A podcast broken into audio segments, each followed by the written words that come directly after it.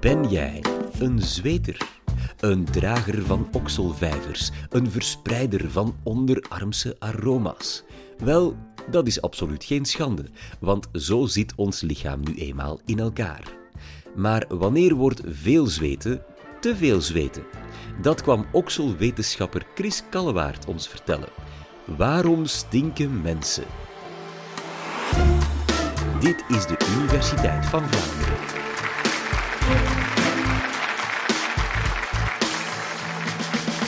Ik sprak onlangs met Wakipi, een 30-jarige vrouw uit Japan die last heeft van zware oksellijfgeur. Haar hele leven wordt bepaald door haar okselgeur. Bepaalde haar studies, bepaalde haar vrienden, bepaalde haar job. Tot op vandaag. Ze heeft een beetje haar eigen ritme ontwikkeld, waarbij ze morgens een soort van folie onder de oksels aanbrengt, waardoor er geen geur gedurende de dag kan ontsnappen. Maar dat is slechts een tijdelijke oplossing, want na verloop van tijd komt de geur er toch door. Elke dag opnieuw ondervindt ze problemen hiervan en je kunt u inbeelden dat ze eigenlijk op zoek is naar een job die niet ver van haar woonplaats is of niet ver is van een station, zodat ze niet te veel moet heen en weer lopen, zodat ze niet te veel mensen moet kruisen en dat er niet te veel geur kan uh, worden uitgescheiden. Elke dag is ze op zoek naar oplossing, zo ook online. En zo kwam ze ook bij mij terecht. Ik ben bio-ingenieur en onderzoeker aan UGent en ik ben specialist in huidbacteriën. Ik heb een bijzondere fascinatie voor oksels. Ik ben bijzonder geïnteresseerd in welke bacteriën er aanwezig zijn en hoe ze juist lijfgeur kunnen veroorzaken. Ze noemen me ook Dr. Oksel en ik ben een van de weinige specialisten ter wereld die zoveel afweet van oksellijfgeur. Iemand moet het doen.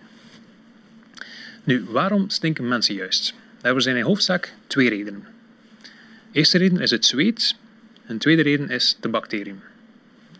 Nu, als we spreken over het zweet, heb ik het niet over het zweet dat van ons lichaam parelt als we in de sauna zitten. Dat is het exocrine zweet en dat uh, zweet zorgt eigenlijk voor dat onze lichaamstemperatuur op peil wordt gehouden. Het zijn voornamelijk water en zouten en exocrine zweetkleren komen overal op het lichaam voor. Dan heb ik het ook niet over het uh, sebumzweet op ons voorhoofd of op ons gezicht. Uh, die kan soms geassocieerd zijn met puistjes. Dat zijn voornamelijk lipiden en dat komt voornamelijk op het bovenste lichaamsdeel voor.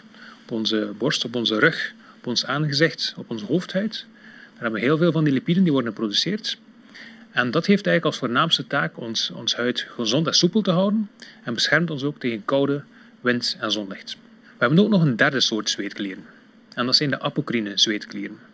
En die komen enkel voor onder de oksels en tussen de benen. Dat is eigenlijk zweet die voorbestemd is om een beetje geurtje te hebben. Dat wordt pas met de puberteit actief en het heeft eigenlijk een functie in de non-verbale communicatie. Honden, katten en andere dieren gaan elkaar nog constant gaan besnuffelen. Wij mensen doen dat niet meer, toch niet opzettelijk, maar ergens is die functie nog altijd aanwezig. Ik zei dat apocrine zweet enkel voorkomt onder oksels tussen de benen, dat klopt. Maar we hebben ook nog een derde locatie waar een speciale vorm van apocrine zweet voorkomt. En dat is oorsmeer. Oorsmeer in het westen, bij de meeste mensen ziet dat eruit, dat is iets gelig, soms iets bruinig en licht vloeibaar qua consistentie. In het oosten daarentegen, bij Koreanen, Chinezen en Japanners, daar hebben de meeste mensen droog, wit en vlokkerig oorsmeer.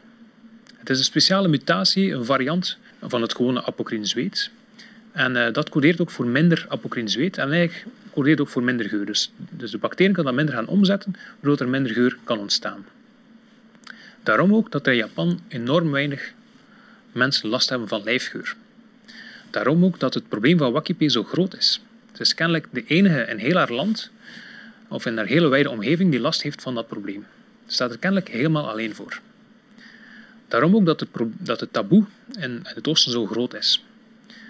Het, uh, het is er zo'n zwaarbladend thema dat mensen niet willen huwen, niet willen samen zijn en zelfs niet willen omgaan met mensen met lijfgeur. Wordt gezien als een groot, groot probleem. Japan is het enige land ter wereld die behandeling van lijfgeur terugbetaalt door de ziekenkas. Maar eigenlijk is het niet het zweet dat de geur bepaalt. Eigenlijk zijn het voornamelijk de bacteriën want steriel zweet dat wordt geproduceerd, dat heeft op zich geen geur. De bacteriën gaan daarvan gaan knabbelen, dat is voeding voor hen, ze vinden dat lekker. En op een duur worden die moleculen kleiner en kleiner en kleiner, totdat ze klein genoeg zijn en kunnen gaan vervluchtigen. En dat heeft dan een geur. Afhankelijk van welke bacteriën dat daar aanwezig zijn, kan die geur dan goed zijn of slecht zijn. En dan gaat het ook niet om de hoeveelheid bacteriën. Wel, meer bacteriën kan ook zorgen voor meer geur, akkoord. Maar in hoofdzaak gaat het om de soort bacteriën. Er zijn bacteriën die goede geuren produceren. Er zijn bacteriën die neutrale geuren produceren. En er zijn ook bacteriën die ook specifiek zeer muffe en onaangename geuren produceren. Corinebacteriën bijvoorbeeld, die kunnen uh, typische zure geuren produceren. Staphylococcus hominis, die kunnen ajuingeur produceren onder oksel. Moraxella, die kan zorgen voor een doffe, muffe geur. En Anareococcus, die wil helemaal niet, die kan zorgen voor fecale geuren onder oksel. Terwijl er ook andere bacteriën zijn die dan weer zorgen voor een yoghurtgeur, een azijngeur, een eerder neutrale geur en zelf lichtjes een aangename geur. Alles samen vormen die bacteriën eigenlijk het okselmicrobioom. Dat zijn eigenlijk een honderdtal verschillende soorten bacteriën samen, die samenleven in een gemeenschap. Als die corinebacteriën dan bijvoorbeeld de bovenhand hebben, dan ga je constant die zure geuren produceren. Dan mag je nog zo hard schrobben onder de douche als je wil. Diezelfde geur zal constant worden geproduceerd. Want die bacteriën leven niet enkel op de huid, maar ook in de huid, rond de haarwortel, in de zweetklieren. En daar kun je eigenlijk met, met je water en de douchegel niet aan. Dus vandaar dat het oxymicrobiom is vrij stabiel. En op die manier ga je ook constant die zure geuren produceren. Met betrekking tot ons oxymicrobiom hebben we het onszelf niet gemakkelijk gemaakt de laatste decennia. Het is pas vanaf de Tweede Wereldoorlog dat we massaal zijn beginnen deelspuiten en stiks aanbrengen om onszelf beter te doen ruiken. Nu, wat doet een deodorant juist? Dat gaat eigenlijk een bacteriën gaan wegvegen door antimicrobiële ingrediënten. En dat gaat ook een goed geurtje toevoegen door middel van parfum, om eigenlijk de bestaande geurtjes te gaan maskeren, om de bestaande geurtjes te gaan deodoriseren. Dat is goed voor een paar uur, maar eigenlijk ook niet ideaal op langere termijn. Na een paar uur zijn die antimicrobiële ingrediënten uitgezweet. En dan komen er opnieuw bacteriën terug. En dat zijn dan meestal niet de bacteriën die we wensen. Dat zijn dan vaak bacteriën die geassocieerd zijn met productie van onaangename geurtjes. En dat langdurig gebruik heeft er ook voor gezorgd dat ons oxomicrobiom volledig en danig is veranderd. We houden slechts twee grote groepen aan oxalbacteriën over. Het heeft er voor gezorgd dat het oxomicrobiom een klein beetje in onevenwicht is. Een onevenwicht tussen de goedruikende bacteriën en de slechtruikende bacteriën. Antitranspirant is eigenlijk nog iets erger. Antitranspirant is eigenlijk hetzelfde als een deodorant, maar bevat ook aluminiumzouten die de poriën gaat afblokken, waardoor dat je minder zweet. Ons onderzoek heeft echter aangetoond dat eh, het gebruik daarvan kan leiden tot een, een, een shift van de goedruikende bacteriën richting meer kwalijk ruikende bacteriën. Dus dat langdurig gebruik kan zorgen voor ja, langdurig ongunstige effecten.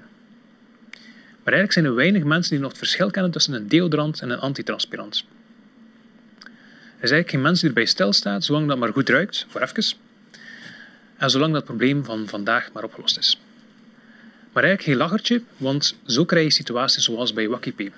Zij heeft alle soorten producten uitgeprobeerd, alle soorten deodorants, alle soorten antitranspiranten, antimicrobiële ingrediënten, antimicrobiële zeepen, douchecrèmes, eh, lotions, noem maar op.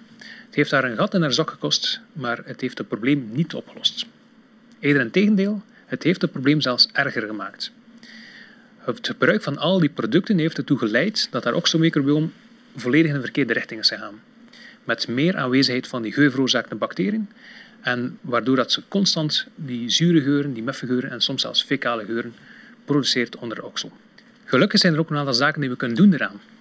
Op basis van mijn onderzoek kan ik een aantal tips meegeven.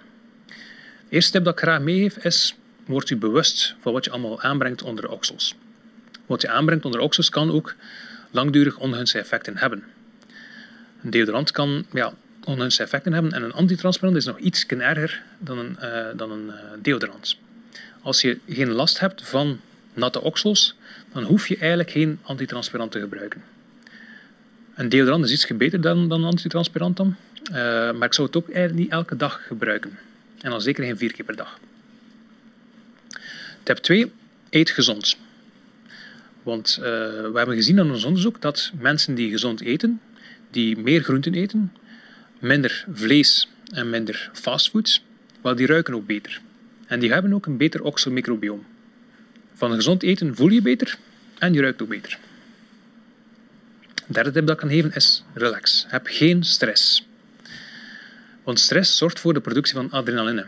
En adrenaline uh, produceert specifiek apocrine zweet. En dat apocrine zweet kan opnieuw worden, omgezet tot geurtjes door de bacteriën. Dat is eigenlijk nog afkomstig van het dierenrijk. Een dier dat uh, wordt bejaagd door een roofdier heeft eigenlijk een selectief voordeel en zal normaal gezien sneller overleven als het ook plots een onaangename geur kan produceren. Het beste voorbeeld daarvan is eigenlijk een stinkdier. Nog een tip dat ik kan geven is, word oud. Uh, met de leeftijd ruik je beter. Het is eigenlijk simpel, met de puberteit ga je enorm veel apocrine zweet gaan produceren, maar met de jaren neemt dat eigenlijk stelselmatig af. Tot op het punt dat je 80 jaar oud bent, dan zit je eigenlijk opnieuw op hetzelfde niveau als toen dat je kind was. En dan ik veel minder of, of bijna geen apocrine zweet meer produceren. Nog een tip dat ik kan geven is, draag katoen. Ook kledij kan specifiek zorgen voor onaangename geuren. Kledij kan eigenlijk zijn eigen microbioom gaan ontwikkelen. Katoen heeft een beter microbioom dan bijvoorbeeld synthetisch materiaal. We zien bijvoorbeeld een selectieve aanreiking van uh, onwelriekende bacteriën op synthetisch materiaal, op polyester. En die bacteriën zijn ook anders dan de bacteriën aanwezig op de huid en onder de oksel. Een laatste tip dat ik kan geven is: blijf gezond. Want elke ziekte en ook de medicatie kan leiden tot zijn eigen specifieke geur. Goede voorbeelden daarvan zijn kanker en uh, diabetes. En bijvoorbeeld bij kanker um, kunnen er bacteriën in de bloedbanen terechtkomen, die dan eigenlijk via de longen en via de adem naar buiten komen en kunnen zorgen voor een specifieke geur. Zo hebben we ook recent vastgesteld dat uh, COVID-19, het virus, dat die infectie ook een specifieke geur kan veroorzaken bij de mens. Dat gaan we misschien zelf niet gaan waarnemen, maar speurhonden kunnen dat wel. We hebben recent een, uh, een zestal speurhonden opgeleid die met zeer grote accuraatheid coronavirus kunnen opsporen op basis van een okselzweet. En dit met een accuraatheid van meer dan 95%. Daarmee doen ze even goed als, de klassieke PCR-test, maar eigenlijk ook beter, want ze doen het sneller en goedkoper. Dat gezond zijn, daar kan WokieP Nieuwmelk iets aan doen, maar al die andere tips heb ik haar wel meegegeven. En die neemt ze ook al ten harte. Uh, ze, uh, ze volgt die zaken op, ze heeft haar voeding aangepast en ze gebruikt geen antitransparant meer. Maar het kan ook zijn dat dat ook niet onmiddellijk leidt tot een, uh, een drastische verbetering in okselgeur. Vandaar ook dat ik sterk onderzoek doe naar welke bacteriën dat daar aanwezig zijn en ook naar de goedruikende bacteriën. Ik werk met name aan een noodoplossing. En het noemt een oxobacterietransplantatie. We brengen eigenlijk het gezonde oxomicrobioom over van iemand die geen uh, lijfgeur heeft, van iemand die er geen last van heeft, meestal van een familielid. En we brengen dat over op de gewassen oksel van een persoon die er last van heeft. Dit om eigenlijk de bestaande stinkers van bacteriën te gaan met andere bacteriën. We gaan eigenlijk vuur met vuur bestrijden, we gaan bacteriën met bacteriën bestrijden. We hebben dat zo toepast op een achttiental mensen. En uh, we hebben gezien dat we het evenwicht kunnen verbeteren, dat we het evenwicht kunnen trekken van de slecht ruikende bacteriën meer naar de goed ruikende bacteriën. En dat heeft ook geresulteerd in veel beter ruikende oksels. Gelukkige mensen. Tegenwoordig hebben we het onszelf iets gemakkelijker gemaakt. We hebben die bacteriën gestopt in een soort van spray. En dat ziet er dan zo uit. Eén spray is ongeveer een miljard aan goede bacteriën. Dit kunnen de mensen dan aanbrengen onder de oksel. Dat hebben ze uitgetest bij een tachtigtal mensen. En uh, de resultaten zijn echt wel fantastisch. Ik had wel zo iemand over de vloer en eigenlijk aanvankelijk had ik er niet echt een goed oog op. Hij kwam binnen met zijn vader op bureau en onmiddellijk de geur vulde in de ruimte. Uh, en die geur bleef ook uren na zijn bezoek hangen. Maar hij was eigenlijk naar mij toegestuurd omdat hij moest van iemand anders. Hij moest van zijn vader langskomen, hij moest van andere mensen deelnemen aan de studie. Zelf was hij niet echt gemotiveerd en uh, ik dacht dat hij de studie niet serieus zou nemen. Echter heeft hij wel elke dag flink zijn, uh, de sprei gebruikt. En vanaf dag 1 zag hij eigenlijk zijn geur verbeteren. Zelfs zijn mater heeft dat, is dat verbeterd tot op het punt dat er geen geur meer aanwezig was. Dus hij kwam binnen en rook niets meer. Ook een, een, puur onder oksel rook hij geen geur meer. Tot op het punt zelfs dat de geur onder oksels aangenaam rook. Zijn geur rook zelfs beter dan mijn eigen oksels. Een fantastisch resultaat. Niet iedereen had natuurlijk zo'n drastische resultaten, maar de trend was al zeer, zeer duidelijk. Die goede bacteriën kunnen zorgen voor aangename geuren onder de oksel. We zijn nu bezig deze, op, deze oplossing verder aan het optimaliseren, zodat dat beschikbaar komt voor mensen die nood aan hebben, bijvoorbeeld bij de apotheker. Zo komen we terug bij de vraag van vandaag. Waarom stinken mensen juist? Wel, in hoofdzaak zijn er voor twee redenen. Eén, het zweet. En twee, de bacteriën. Steriel zweet ruikt niet. Het zijn de bacteriën die zorgen voor de omzetting van dat zweet en kan zorgen voor de geur. En niet de hoeveelheid bacteriën doen het toe, maar wel de soort bacteriën. Weet dat er ongeveer honderdtal verschillende bacteriën onder oksel leven, dus weet dat het ergens wel normaal is om een beetje geurtje te hebben.